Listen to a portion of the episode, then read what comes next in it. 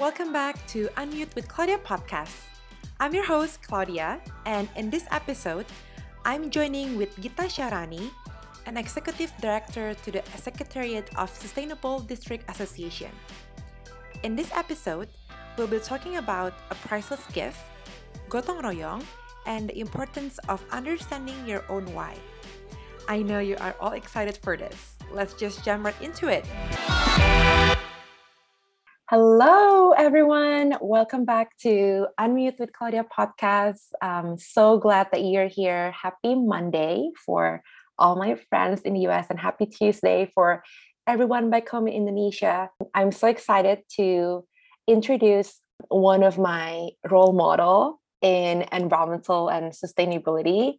I've been admiring her work ever since I was in starting like freshman year of college, so like 2016, 2017. Um, Mbak Gita ini seorang penggiat gotong royong, also the founder of Lingkar Temu Kabupaten Lestari, which we're gonna talk more about it later, dan um, hal-hal keren lainnya, termasuk president of Chevening alumni, udah udah mau pensiun next week.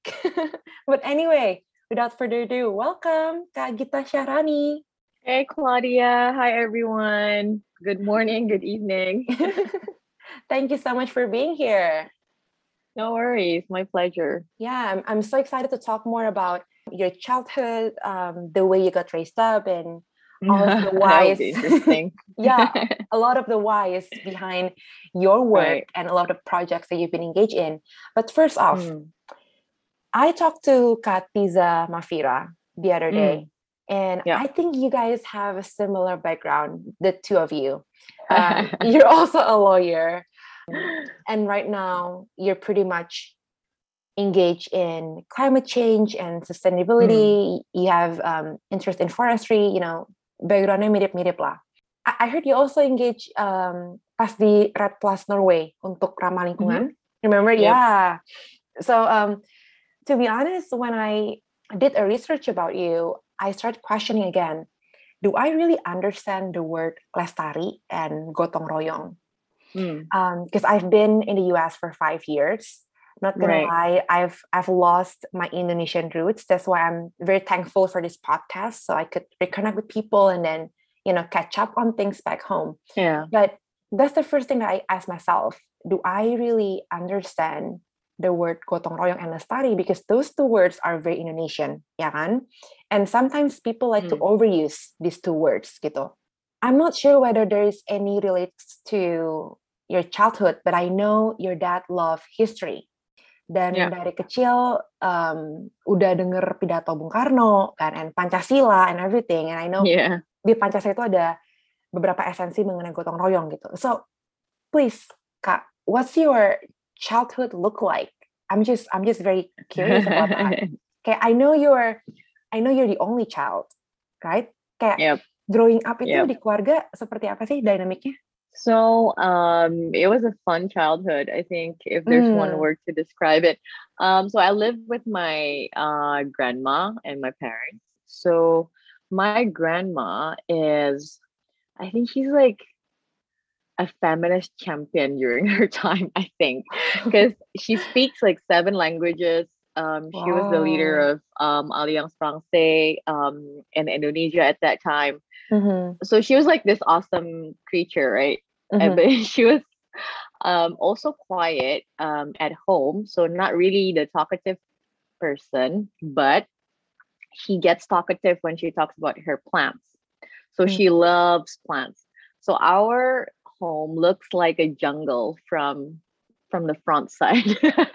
like you, you cannot you cannot look at like where's the house because there's you know Mhm. tall trees and everything but the trees are actually curated by my grandma and i Wow. remember as a child um ever since you know maybe three years old Mhm. uh, when i when i was starting out kindergarten one of my chores uh, was to help her um in the garden and yeah she uh, made me memorize all of the latin names of this plant which apparently i did so people were like Wow. thought I was a genius or something. Um, because I started, you know, um, pointing out plants with uh, uh, uh, with their Latin names and everything. So Mm. I think, um, unfortunately, you know, when people ask me when did you when did you start, like when did you realize environment is so important, da da da, like I don't have that sort of aha moment because that was just Mm. life, you know. Um, Okay. ever since I was little, um, what I've been taught was if you appreciate nature, then they will protect you, and uh, that's the thing. Hmm. You have to earn. You have to earn your place on Earth Wow, I never heard of that. yeah you have to earn your place to live here basically by uh, proving you're worthy of nature's love in a way. Mm. so because they don't need you right? Like nature don't need us human. We're actually the we're actually the ones that needs the earth. We're actually the one that needs um nature. We um depend on it. We rely on it. And Mhm. without human essentially earth would be fine. So Yeah. that was the key takeaways from my childhood essentially. And like of course they didn't you know do it in a such a serious manner that i just did they're Mhm. like they would talk, take, take me out- outdoor they would bring me out like for picnics and things like that but everything was related to how do we live together with nature um especially because we're we live in bandung which is quite a big city um and to find that um roots back my family had to invest specifically like like our weekends we go away somewhere and find more nature natural places we go Mhm. out to national parks and things like that but that's not apparently that's not a common activity for all families right so Mm, yeah. um yeah i just realized that um when i was growing up it's like oh apparently not every family goes to picnic um but Mm. because they combine that type of philosophy of living with having fun and making sure that things are not sort of a force onto me um it stick yeah Okay. Okay. So help me to understand. You've always pretty much growing up all your life in the surrounded of greens and environmental and all that, Mm. especially with your family. But then why you chose law when you went to college? Right Was that So thought that was it. process? Yeah. so um okay so it started from early on actually uh i was i think in the first first year of elementary school when Mhm.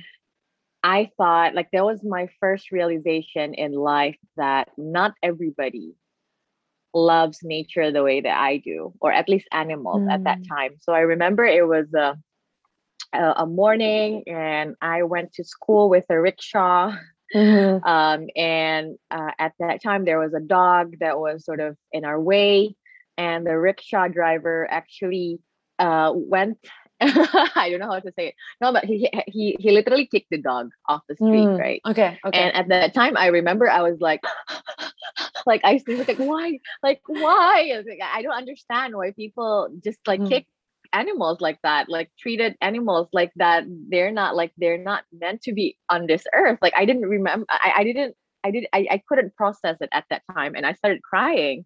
And I Mm. remember what happened next was the rickshaw driver. I forced him to say sorry to the dog. So we're like standing um in the middle of the street, uh, saying sorry to the dog, and that was the first time that I realized, oh, not everybody are the same as me. So how can I make this smoother? How can I make everybody loves animals, and how can I make everybody loves um nature?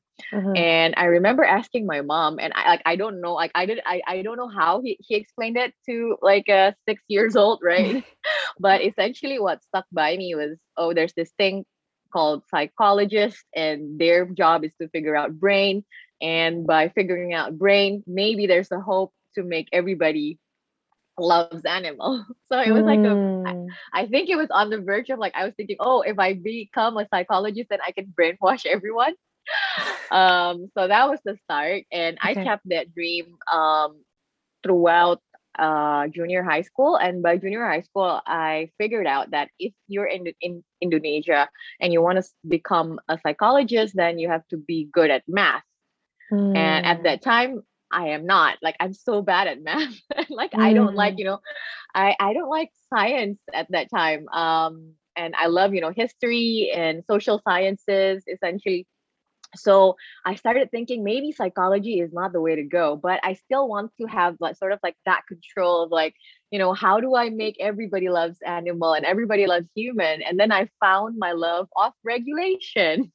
I'm like if i cannot control the brain maybe i can force them through regulation and um, I oh. started I started thinking that law is a good idea because um, mm. I'm a mm. debater. Uh, ever since junior high school, I was in debating club and things like that. So I was like, oh, I'm good at social sciences. I'm good at memorizing and understanding different concepts. I'm good at talking to people. So maybe I should be a lawyer. Um, yeah. So I decided that I wanted to be a lawyer uh, on my final year of junior high school, and I stuck by it um, until. Mm mm. university and until you know actually yeah. working as a lawyer so it, it's a, it's like a long journey of actually realizing things that i started um, mm. obsessing about since childhood wow that's that's just an interesting story i recall um, we once talked um, about your life and you mentioned that you were at a law firm for eight years a solid eight mm. years and even those eight years you still trying to figure it out what you want out of life right mm. was that aha moment came when you quit from the law firm no i think ever since because it was um already i, I mean i'm a list person like i make lists and i make prediction about my future so at that mm-hmm. time um when I started law firm, it was not by plan. So that's very irregular for me. I actually mm. fell in love mm. with a boy.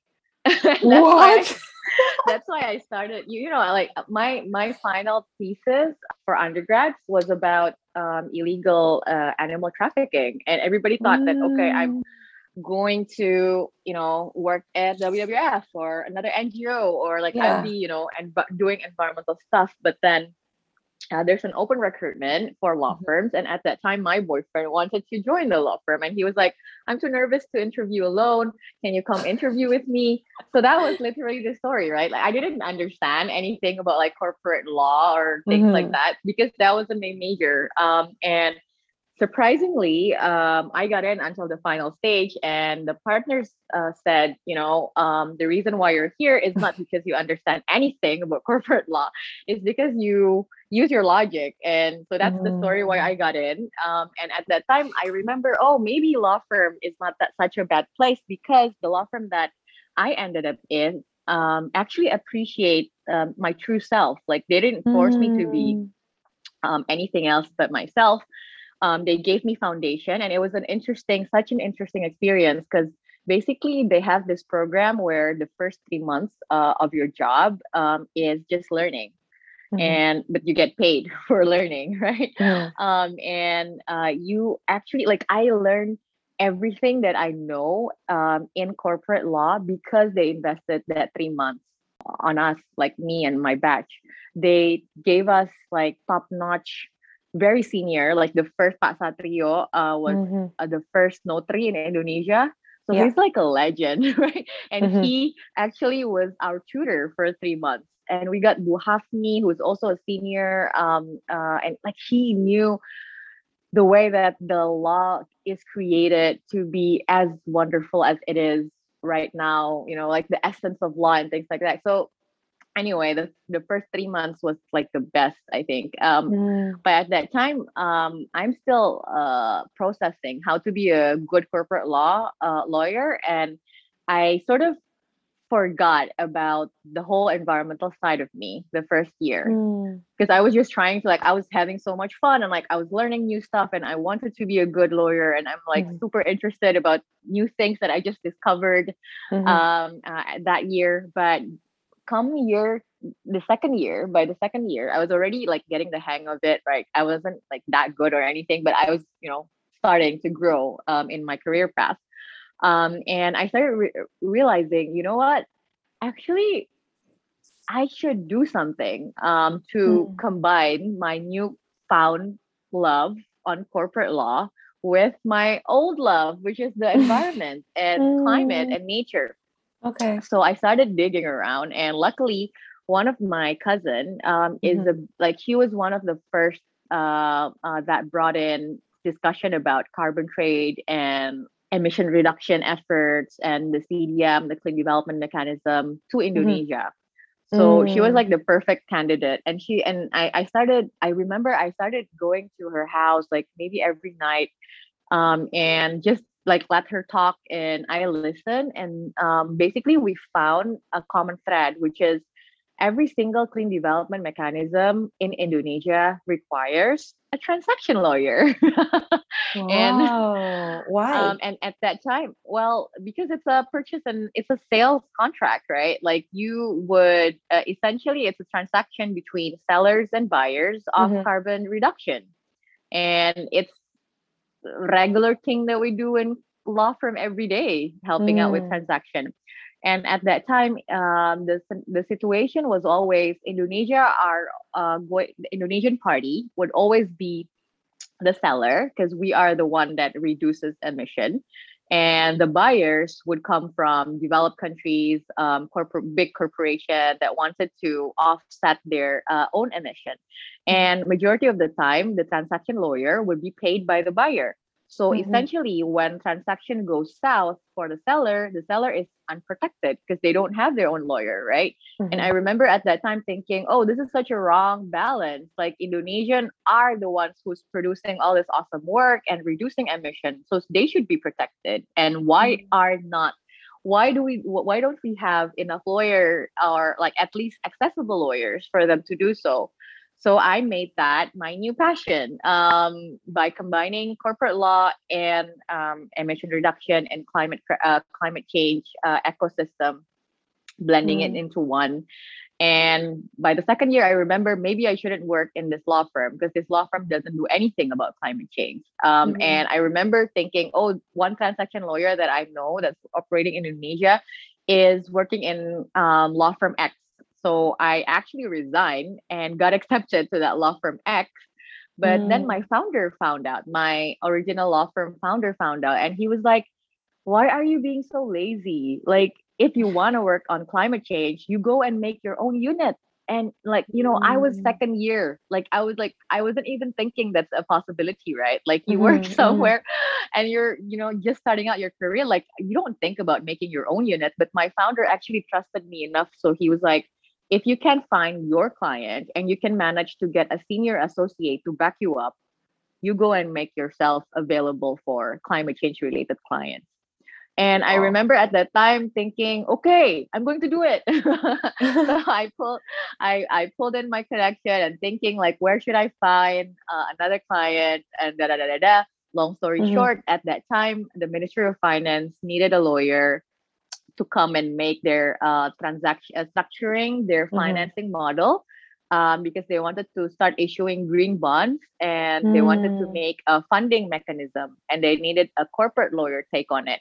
Okay. and yeah i convinced my senior associate to bid and we got the deal. Um, so that was our first client and there goes my res- resignation. I was like no i'm not resigning. I'm doing this so okay. 2009 you know uh, 2008 was the first time we got a climate change related client Okay. Well, since you talk about climate change, um, that's thank you so much for sharing me all of those magical and amazing stories. It, it seems that the universe sort of connects the dot about your interests in in regards of climate change Hmm. and all of these projects. But you're right now very busy with um, the Sustainable District Association or Lingkar Temu Kabupaten Lestari gitu.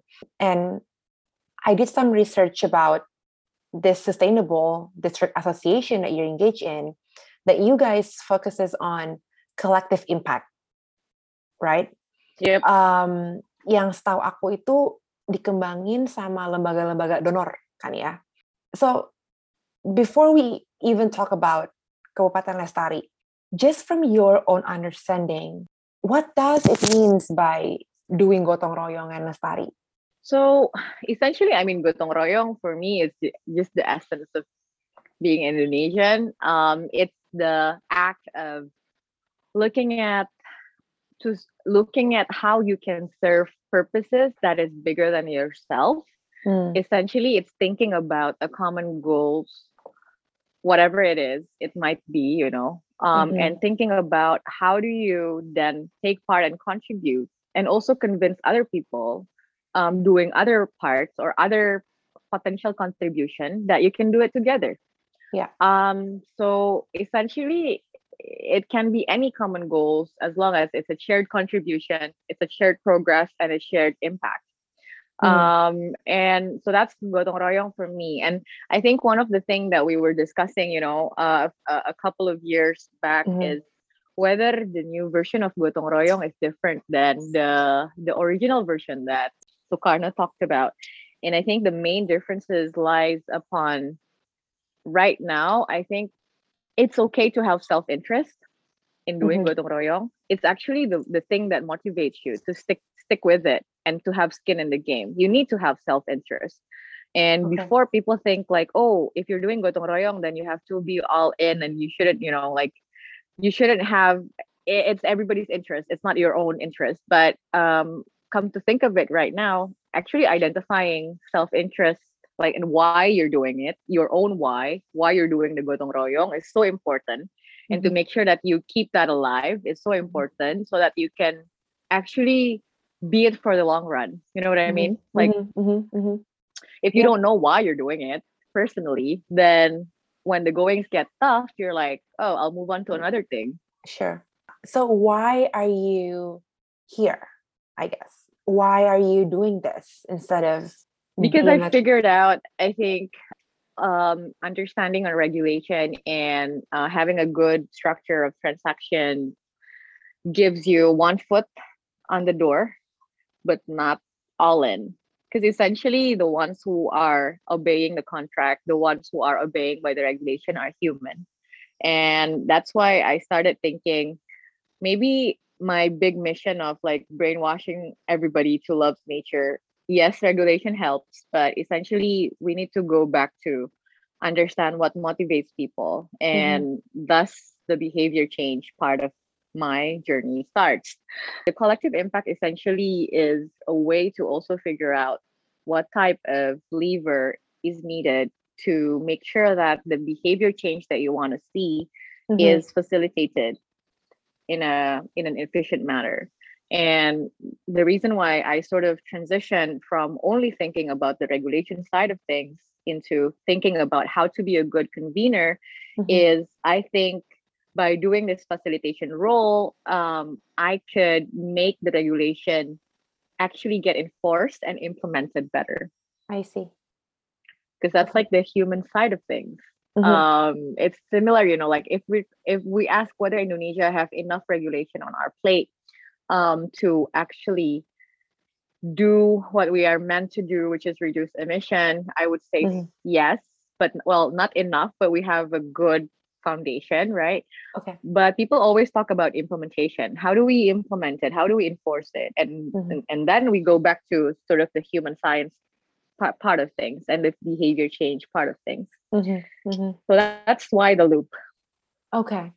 I like when you say your why is to pretty much, you know, essentially help Indonesia to achieve its emission reduction target. And from what you say, I well can, my why my why Yeah. is still the same yeah since kindergarten my why is just to brainwash everyone to love nature oh, nature. why. Okay. Okay.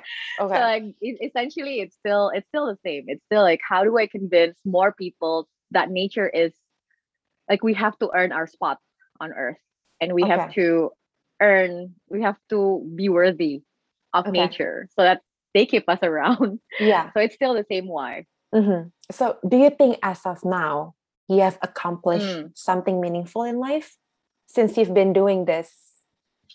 Um, I would I would think so. I think um because the why is making more people think that this is important and the reason why Yeah. I do what I do not only through um uh, Kabupaten Lestari which is Mm. awesome but we're doing it through like Hutan Itu Indonesia through Diet Kantong Plastik through Yeah. Social Enterprise Network I would say that um, one of the things that sort of like makes me happy um, going to bed every night is that more and more people like I met you, you know, like things that are Mm. unexpected, people from different circle, people that I wouldn't know, are talking about the stuff that I love. So Mm, yeah, I would I would love to think that I play at least a small part of it in terms of getting I the agree. words out there.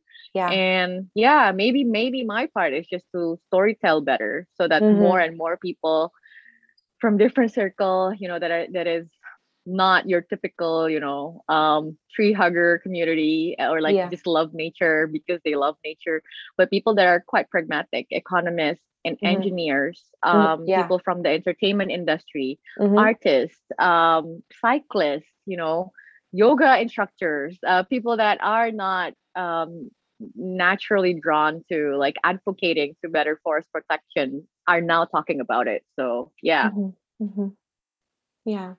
Well, I am I'm actually really glad that to hear that your why is still consistent and still solid.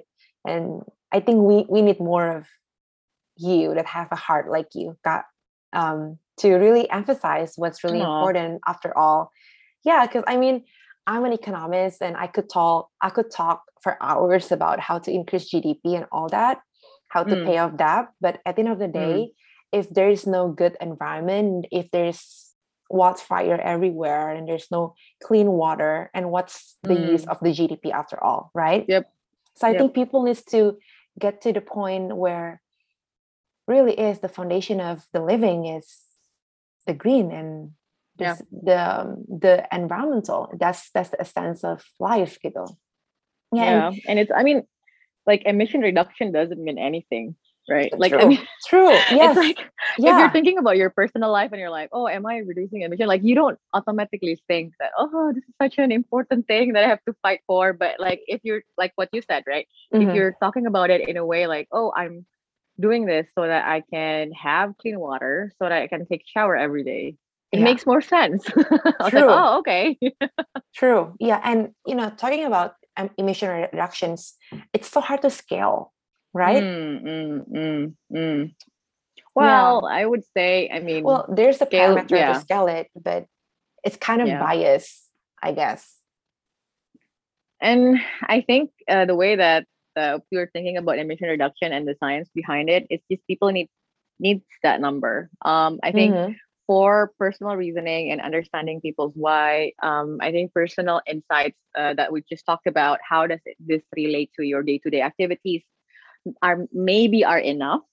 Mm. But for for policy making to to happen, they need well, I hope they need data, data and information and solid foundation and cal- and calculation, and that's that that's the whole reason why um, the IPCC report is there to give Mm-hmm. solid foundation um, Mm-hmm. for decision makers, for policymakers to um, act a certain way.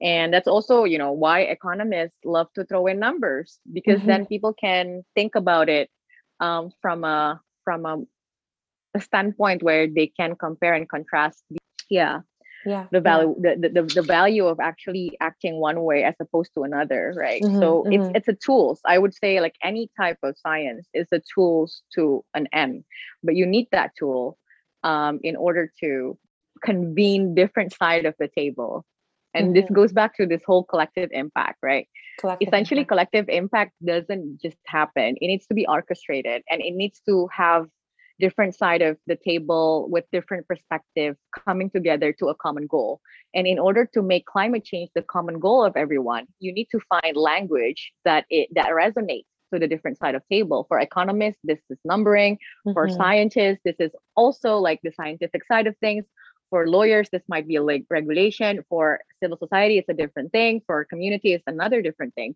so this type of like figuring out what are the languages what are the tools that will need to be at the table so that everybody is convinced this is the common goal and we need to work together towards it that's what's happening right now i think people are Mhm. figuring out how to convey climate crisis um, in Yeah. different languages so that more people resonate Yeah. Yeah. And since you, you, you mentioned about that, I'm not sure 100% how Indonesia, especially Jakarta, stands in terms of green policy and then um, climate change. Um, I know we at least have moved a little bit forward, not so much as we wish to. But looking at where we stand right now, do you think it's a wise idea to big companies um, implement Mm. ESG policy mm. or even green bonds you know and sustainable finance because this these three words esg green bond and sustainable finance sounds fancy right mm. when you when when a big company mention about these three words it it gives an impression that they sort of know what they're doing for a better world but mm. do you think this will help and do you think as if indonesia now we are ready to move on to that direction? Because in my personal well, opinion right. Yeah my, in my in my personal opinion i don't think it's a good spot yet for indonesia to take a lead on this. Maybe some awareness will be good but i don't know. What's your thoughts? I i think um the earlier the better. I mean and i don't you know i'm at that point where i don't care what motivates people anymore um as long as this they just do it.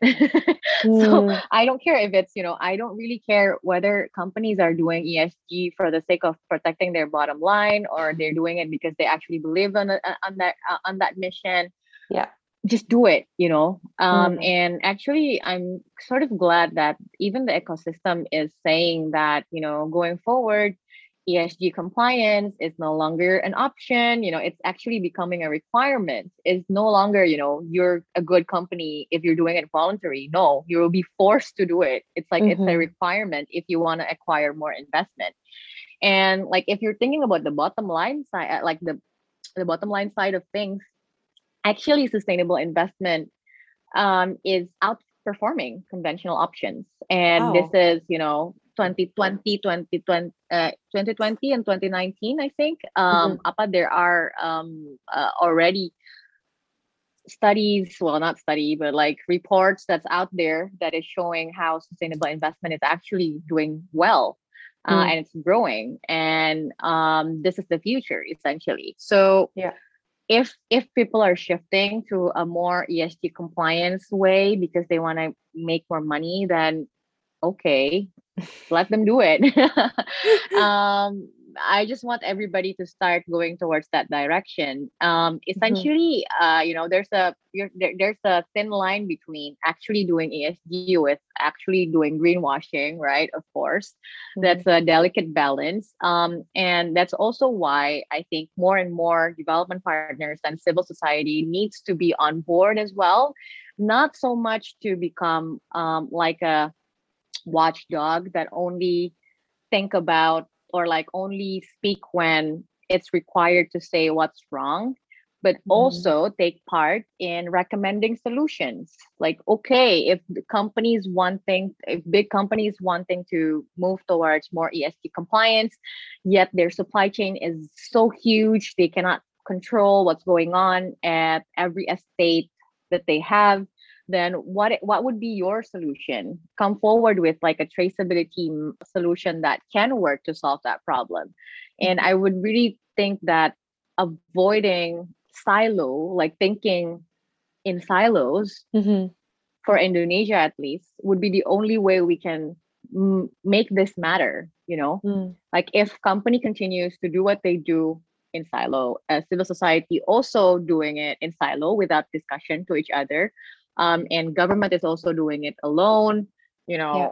as the youth also doing things alone without actually a candid and candor discussion to mm-hmm. try to understand each other's perspective not to have like not to have not not just to debate for the sake of having a debate but actually sit down and discuss what matters and actually mm-hmm. focus on on on solution mm-hmm. um i think that that really is the only way we can make this trend matter in terms mm. of actually going back to the why of protecting nature yeah because yeah. again esg doesn't mean anything yeah. unless you really connect it to what's happening like does your esg compliance means you're protecting mm-hmm. more peat or you're protecting more forest right mm-hmm, mm-hmm. does your esg compliance means you're protecting the rights of your workers better your the rights of your farmers better yeah. does that mean you're shifting to renewable energy as your energy source of production does this mm-hmm. mean you are taking care of your waste better mm-hmm. if the answer is yes then how why tell us you know communicate mm-hmm. more with the public Mhm, so mhm. that it doesn't become just a jargon, but it, this actually True. becomes part of the um, solution that we can, people can relate to.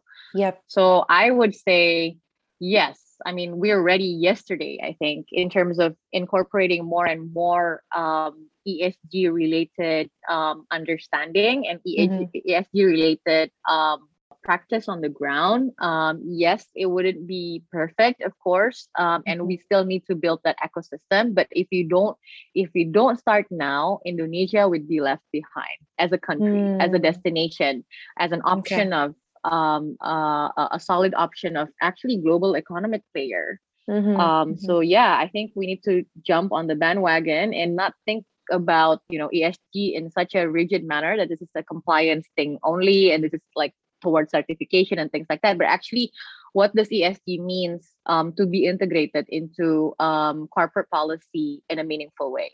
Wow. Yep. I think I I think I, I really agree with what you said that I think people needs to raise their awareness and really understand, especially big companies um, out there that want to implement ESG and green bonds and sustainable finance to really essentially understand what this entails to their business instead of just Mm. putting it in a business plan, you know? I Mm, think a mm. lot of the businesses, even in the US, some of them are still doing that just to get the attention from the market that they're doing ESG and Yeah. green bonds and all Yeah. of that. Yeah. Like on green bonds as well, right? Like Mm. bonds requires underlying project, underlying assets. Uh, So Yes. what is needed from Indonesia is more and more pipelining of good, solid underlying projects or Mhm. underlying initiatives or underlying startup companies that can be supported. Yeah. And like it- there's a report that came out in 2020 uh, about impact investment in Indonesia, Mm. and it shows like the landscape of uh, sectors that are Mhm. available for investment and are already receiving investment um, Yeah. out there. And all the sectors are super related to climate crisis, right? Like Mm. fisheries, food agribusiness, forestry and land, healthcare, energy, waste. Um, everything is very um, related to uh, the things that we need to do to uh, prevent and add a, and, and, and adapt to to climate crisis Yeah. um but but um the i think the difficult part is how do we find more and more options to be Mhm. financed Mhm. um in a country that is as big and as unique uniquely positioned as indonesia um w- what Mm. i don't want to happen is like you have five or ten large projects that is um good that looks good in terms of pipelining right from the investment perspective um and only those five or ten projects gets financed because they know like they know how to package their deal Mm. meanwhile what i'm looking at in ltkl is like there's massive opportunities of different and more interesting projects out there that are not getting financed not because it's not good but because we are not packaging it in the right way so it becomes an interesting or uh, an appealing pipeline so Mm. what we need to build is that middle ground, not not middle ground, that middle uh, intermediaries, Mhm. um, people that understand investment, people that understand finance, people that understand how to sell, uh, you know, pipeline. Yeah. Uh, to go to the ground and actually help us package these Mhm. different opportunities that's out there so that it's interesting um, in the investment eye. So what Mm. we have is that sort of middle, that missing middle piece. Like for example, the available financing out there for climate related pipeline, the average would be like a million dollar to 20, 25 million dollar per ticket size. And Mm. what we have on the ground would be maybe projects that can only absorb 25,000 US dollar or like 50,000 US dollar or 100,000 like how do you package so that that smaller projects can become one integrated pipeline so that it can reach the value of a million or 5 million or 20 million so this Mm. is what we this is what our homework is and i'm so happy that like law firms are are you know working with economists, uh, Mhm. working with uh, different models of um, environment, uh, uh, um, invest environmental investment uh, scheme, um, and hopefully this addresses that middle ground problem. Yeah. Yeah. Super agree. there's so much for me to think about just based on what you just explained to me and you know thank you for sharing your perspective by the way because I've, I've never thought of that before um, as an as someone that majored in environmental um, policy. But i know you know this this is super challenging and maybe some people are very pessimistic about this but Mm. how do you see indonesia in 2045 in regards of environmental sustainability and climate change? Can we i guess can we get to the point where we wish to be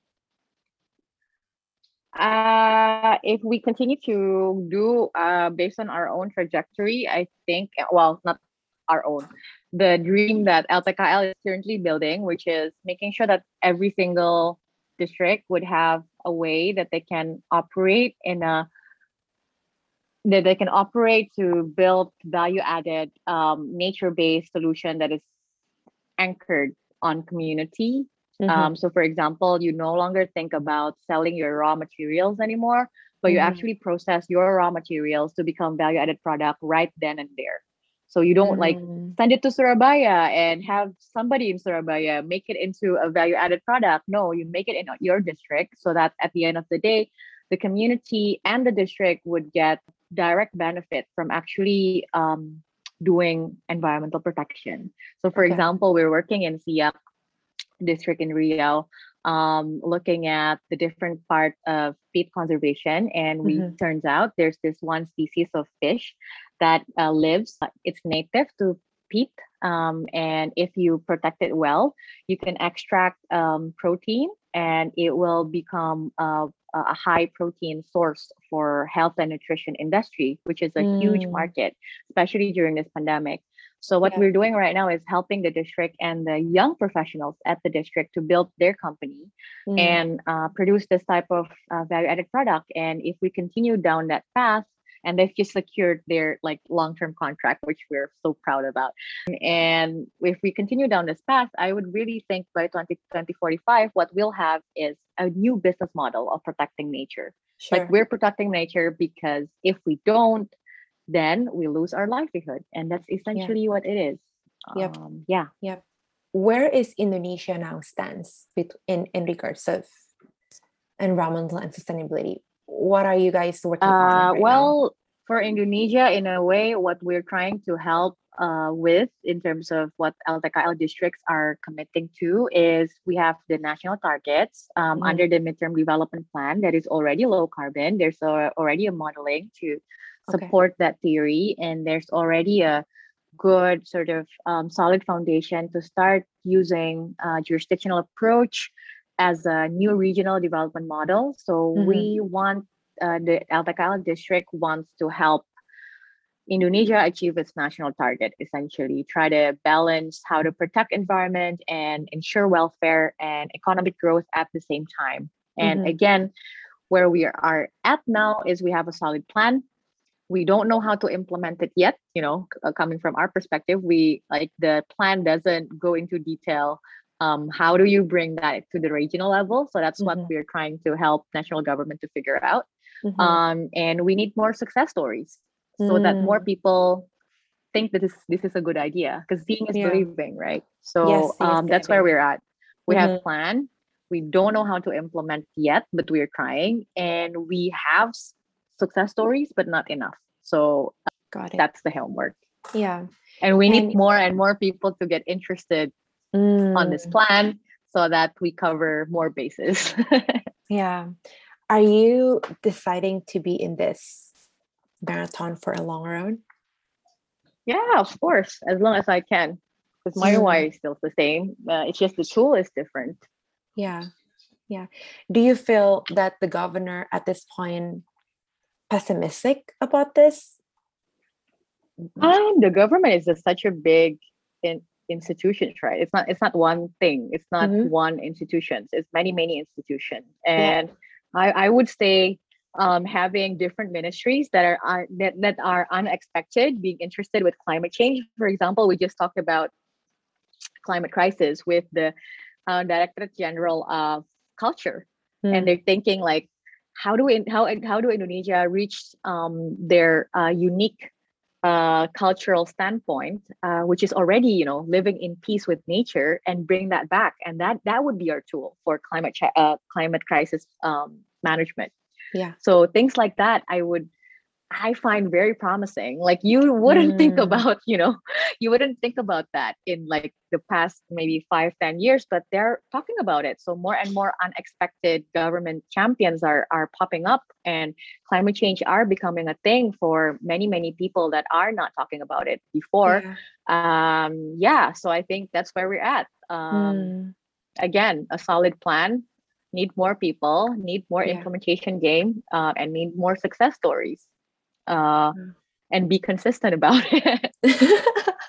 well, once I'm once I'm back home in Indonesia, I would totally sign up for this for this movement. Well, come on, like even even outside of Indonesia, you can still do a lot. Like we have oh. interns that is in the UK, uh, people that are in Hong wow. Kong and in Australia. So no, distance doesn't matter anymore. I would say you can do wow, research okay. as much as possible outside of the country as well. Yes, so, yeah, yeah, yeah, yeah, yeah. Wow, amazing. Well, is there anything else you want to share or point oh, out? That, Do you get that?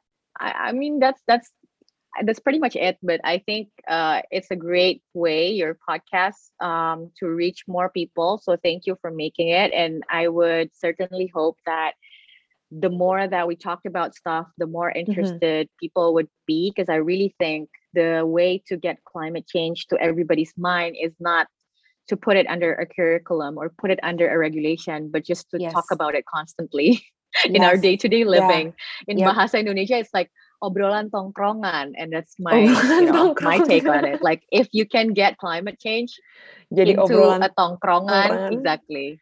That's, that's, when you know, yeah, mm. that's when you know it's actually a mm. thing that is um, a household wow. name, you know. Wow, mungkin perlu ini kali Hatta, Hatta Halilintar buat omongin maybe maybe it needs maybe it needs more and more you know different side of people to talk about it um yeah. apa in their own perspective right like tongkrongan mm-hmm. bapak-bapak and tongkrongan ibu-ibu tongkrongan anak muda everybody's tongkrongan with a different yes. take on climate crisis that would yeah. be the dream yeah so so thank you for making the podcast yeah you're my my pleasure I've, I've learned so much from this conversation but before we actually close this maybe some of the listeners are curious, you know, after hearing the conversations about Indonesia and um, sustainability and climate change, what can we do now to help you?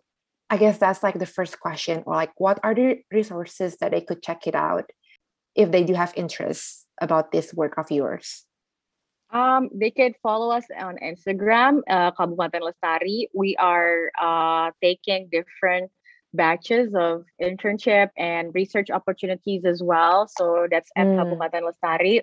Okay. The other thing that we can support us with is buy the Kabupaten product. So you can visit at Gerai Kabupaten Lestari, which is a way to promote more and more value added products, right? Um, and also you can volunteer at uh, at Hutan Itu Indonesia, uh, which okay. is very much focused on campaigning to make positive uh, uh, stories about the forest and remind everyone that forest is indeed our identity as a nation.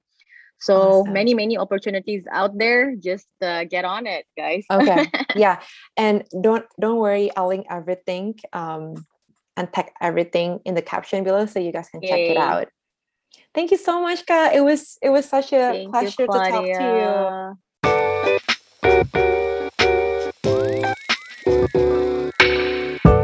You all for listening to this Unmute episode. Don't forget to follow this channel and share it with your friends too. And also, feel free to hit me up on Instagram at Claudia H. Johan.